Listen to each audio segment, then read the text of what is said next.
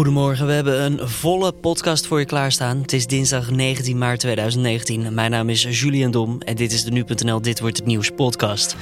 En vandaag dus uitgebreid aandacht voor de nasleep van de aanslag in Utrecht.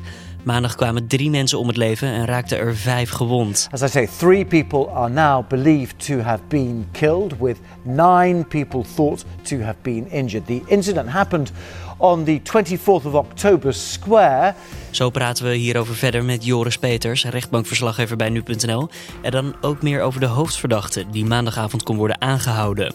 Eerst kort de belangrijkste updates van deze nacht. Om te beginnen het dreigingsniveau. Deze is na de aanhouding van de verdachte maandag weer verlaagd van niveau 5 naar niveau 4 in de provincie. Antiterrorisme-dienst, de NCTV, had het niveau voor de provincie maandagmiddag verhoogd, omdat de schutter toen nog voortvluchtig was. Het hoogste dreigingsniveau was bedoeld om de diensten te helpen hun werk te doen. De gemeente Utrecht riep inwoners tot ongeveer half vijf in de middag op om binnen te blijven en sloot nieuwe incidenten toen nog niet uit. Dat was toen de hoofdverdachte dus nog niet was gevonden. Inmiddels is het dreigingsniveau dus naar beneden bijgesteld. En in de loop van maandagavond is tevens een derde verdachte aangehouden na de schietpartij in Utrecht. Het is niet duidelijk op welke wijze deze persoon betrokken is bij de aanslag. Maar dit nieuws maakte Rob van Bree van de politie Midden-Nederland bekend gisteravond tijdens het televisieprogramma Pauw en Jinek. En dan ook nog eventjes kort ander nieuws van de afgelopen nacht. Een meerderheid van de basisschoolleraren merkt dat de werkdruk in de klas minder is geworden door investeringen. Toch is deze nog wel altijd te hoog volgens hen. Dat meldt Trouw maandag op basis van cijfers van onderzoeksbureau Duo. Het geld dat minister Slop van Onderwijs en Media uittrok voor verlaging van de werkdruk op basisscholen lijkt ermee effect te hebben. Simone van Geest, woordvoerder van de Algemene Onderwijsbond, is gematigd positief over het nieuws. Volgens haar is het een grote stap, maar nog niet voldoende. En het afgelopen jaar rookten er minder volwassenen. Dat blijkt uit de nieuwste gezondheidsenquête van het CBS. Minder dan een kwart van de volwassenen zei vorig jaar nog wel eens te roken. Overgewicht blijft daarentegen wel een probleem. Iets meer dan 50% van de volwassenen zou daar last van hebben.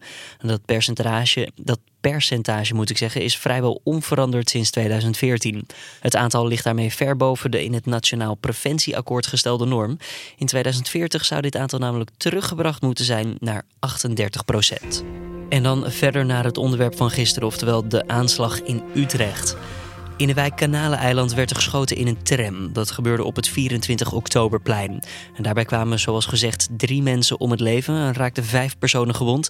En drie van hen verkeren nog altijd in kritieke toestand. Dames en heren, zoals u allemaal meegekregen heeft vanochtend in Utrecht een schietpartij plaatsgevonden op verschillende locaties. We hebben een melding gekregen dat er uh, schoten uh, zijn gelost hier in of bij de tram. En toen we hier aankwamen, toen bleek er inderdaad uh, geschoten zijn, meerdere malen, ook meerdere slachtoffers.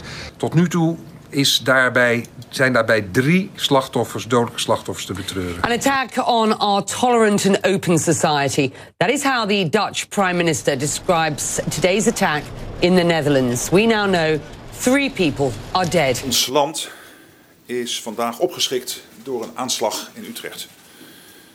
Politie en OM doen onderzoek naar wat er precies is gebeurd. Nou, de manier waarop dit gebeurd is, dan zou het wel erg naïef zijn als we niet het scenario van terroristisch motief uh, open zouden houden. Dus dat doen we. Maar zolang we nog niet 100% helder hebben wat hier nu precies gebeurt en wat het motief is, uh, houden we daar gewoon uh, rekening mee. As I say, three people are now believed to have been killed, with nine people thought to have been injured. The incident happened on the 24th of October Square. The area has been cordoned off. Ja, we horen inderdaad zojuist, krijg ik door van mijn collega, uh, dat we inmiddels de verdachte die we zochten, uh, die hebben we inmiddels aangehouden. Uh, meer nadere gegevens heb ik nog niet, maar ik kan u dus wel melden dat de verdachte die wij zochten, dat die zojuist door de politie is aangehouden. We praten erover met Joris Peters, onze rechtbankverslaggever. Joris, um, de verdachte Gugman T. die is maandagavond dus aangehouden. Laten we heel even beginnen met wat er zich die maandagochtend precies heeft afgespeeld. Ga je dat toelichten? Ja, wat we nu weten is dat de politie eigenlijk inderdaad rond tien voor elf uh, meldingen binnenkreeg dat er zou zijn geschoten in de tram. Uh, en toen is er eigenlijk al vrij snel opgeschaald uh, en zijn hulpdiensten op de plek afgegaan bij het 24 oktoberplein in Utrecht. en ja, en troffen daar de situatie aan en, en, en kwamen er eigenlijk al vrij snel achter dat de dader voortvluchtig was. Ja, de dader had vooraf aan die schietpartij een auto gestolen en daarmee ging die naar de tram toe. Ja, dat klopt. Ja, we, we weten niet precies hoe het is gegaan, maar de politie eh, meldt het wel zo dat voorafgaand aan het schietincident eh, er een auto is gestolen. De Renault Clio, waar eerder over gesproken is eh, gisteren. Ehm, en daarna is hij ook weer in diezelfde auto gevlucht. Inmiddels zit de verdachte dus vast. Maandagavond werd hij aangehouden. Wat weten we eigenlijk over deze T? Nou, we weten dat hij al eerder in aankrijg geweest is met politie en met justitie. Eh, het meest recente is op 4 maart. Toen moest hij voor de rechter verschijnen in een, eh, tijdens een tussentijdse zitting op verdenking van verkrachting. En toen is besloten om hem in afwachting van de inhoudelijke behandeling van die zaak in ieder geval vrij te laten.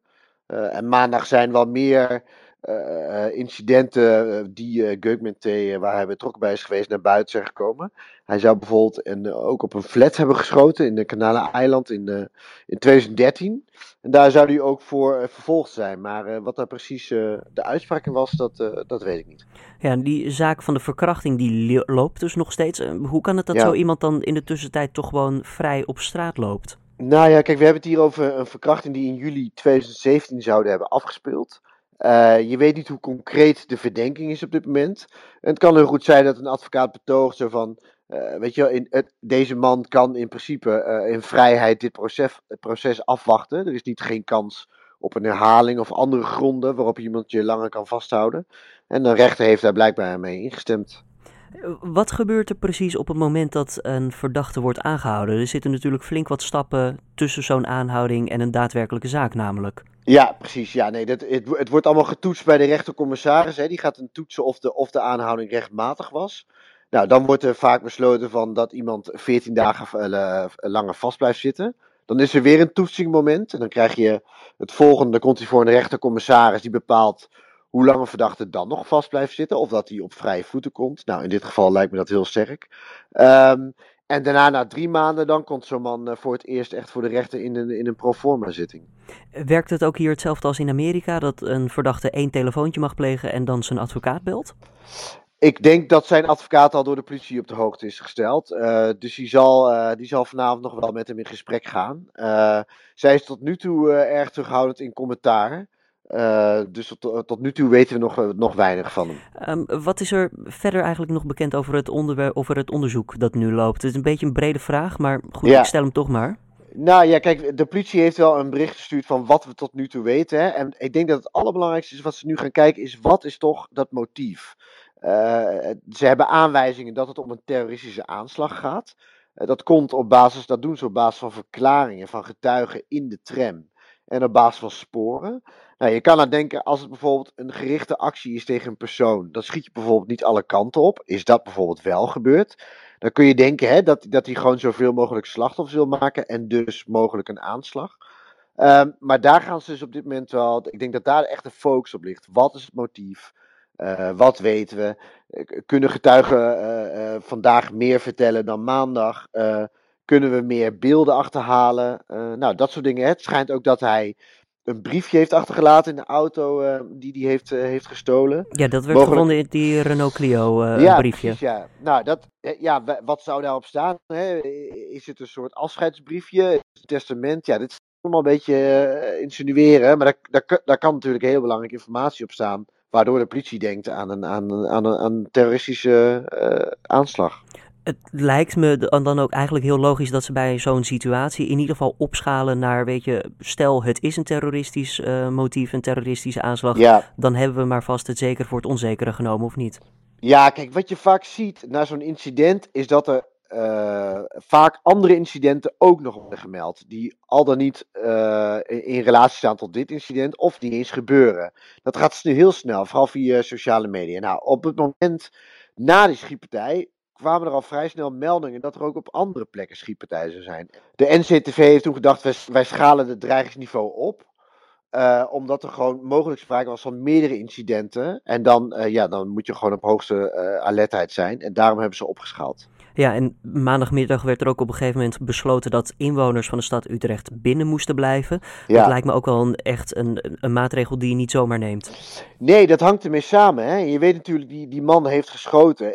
Is hij, heeft hij het wapen nog op zak? Heeft hij meerdere wapens? Uh, zijn er meer verdachten? Uh, uh, ja, dat zijn allemaal eh, eh, dingen die je dan op dat moment niet weet, maar waar je wel beslissingen op moet baseren. Nou, en op dat moment neem je het zeker voor het onzekere en dan zeg je mensen blijf alsjeblieft binnen. Ja, en daar komt dus mede dat motief weer bij kijken. Je weet niet wat het motief is, dus... Nee.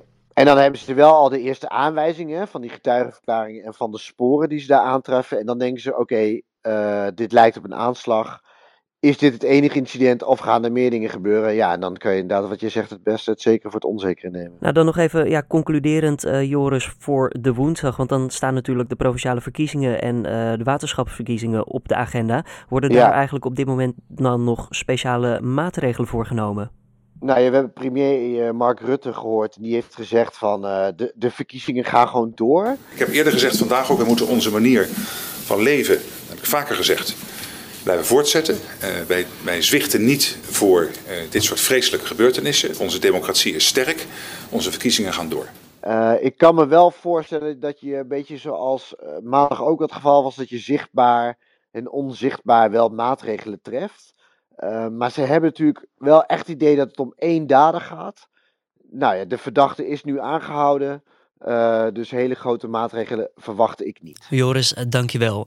Eh, meer hierover uiteraard de hele dag op nu.nl nog. Uh, mocht je op de hoogte willen blijven met pushberichten over dit onderwerp, dat kan via de app. Onderaan de berichten over dit onderwerp vind je een knop volgen. Nou, als je daarop drukt, dan zal je bij elk nieuw bericht een push ontvangen op je telefoon en blijf je dus op de hoogte van ja, meer nieuws hierover. Dus onderaan het bericht een knop met volgen. Dan nog even ander nieuws van wat er uh, vandaag te gebeuren staat. De Braziliaanse president Bolsonaro die bezoekt Donald Trump in het Witte Huis. De twee zullen waarschijnlijk een akkoord sluiten over het gebruik van Amerikaanse techniek bij Braziliaanse ruimteprojecten. Ook de aanhoudende onrust in Venezuela is een agendapunt. En vrachtwagenchauffeurs die vandaag langs de haven van Rotterdam rijden, kunnen flyers tegemoet zien komen. Havenbedrijf Rotterdam en de ferry terminals willen hen informeren over hoe zaken geregeld moeten worden in het geval van een brexit. En de NASA dan, die zegt vandaag nieuwe wetenschap te willen delen. Nou ja, wat dat precies betekent, dat horen we dus vandaag.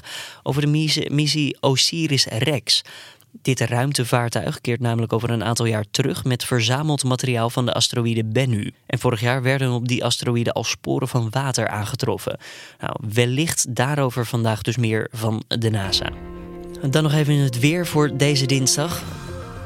Het wordt een grijze dag en hoewel af en toe het zonnetje wel doorbreekt, nou ja, vrijwel de hele dag blijft het droog op ja, her en der een plaatselijke bui na. En er staat gelukkig een stuk minder wind dan afgelopen dagen. Het wordt tussen de 9 en 11 graden. We sluiten vandaag dan de podcast af met iets totaal anders, namelijk duivennieuws. Alle duiven op de dam, shalalali, shalalala. Ja, die weten hoe het kwam. De West-Vlaamse duif Armando is tijdens een veiling verkocht voor 1,2 miljoen euro. Wat een bedrag, hè? De nieuwe eigenaar van Armando die komt uit China. En hoogstwaarschijnlijk heeft hij een grote voorliefde voor fladderende beestjes dat Armando zo, ja, zo ontzettend veel geld, eigenlijk het meeste geld zou opbrengen van die hele veiling, dat was vooraf al een beetje verwacht. Het is namelijk een van de succesvolste lange afstandsduiven die België ooit heeft gekend. En nu hij is verkocht, betekent dat wel dat hij ja, zijn carrière gedag kan zeggen. Want, um, nou, nou, niet dat hij wordt opgegeten, maar hem nog een keer te laten vliegen voor 1,2 miljoen euro is een nogal groot risico. De kans is groter dat Armando zou worden ingezet voor uh, nieuwe kampioenen. Oftewel een heleboel nieuwe duifjes. En dit was hem dan, de Dit Wordt De Nieuws podcast van deze dinsdag 19 maart. Elke ochtend vind je de podcast om 6 uur ochtends op uh, de voorpagina van nu.nl. Laat ons weten wat je ervan vindt. Dat kan via podcast.nu.nl. We vinden kritiek, opbouwende kritiek vooral altijd fijn. Uh, we maken hem immers voor jou. Mijn naam is Julian Dom. Voor nu een goede dinsdag en we spreken elkaar morgen weer.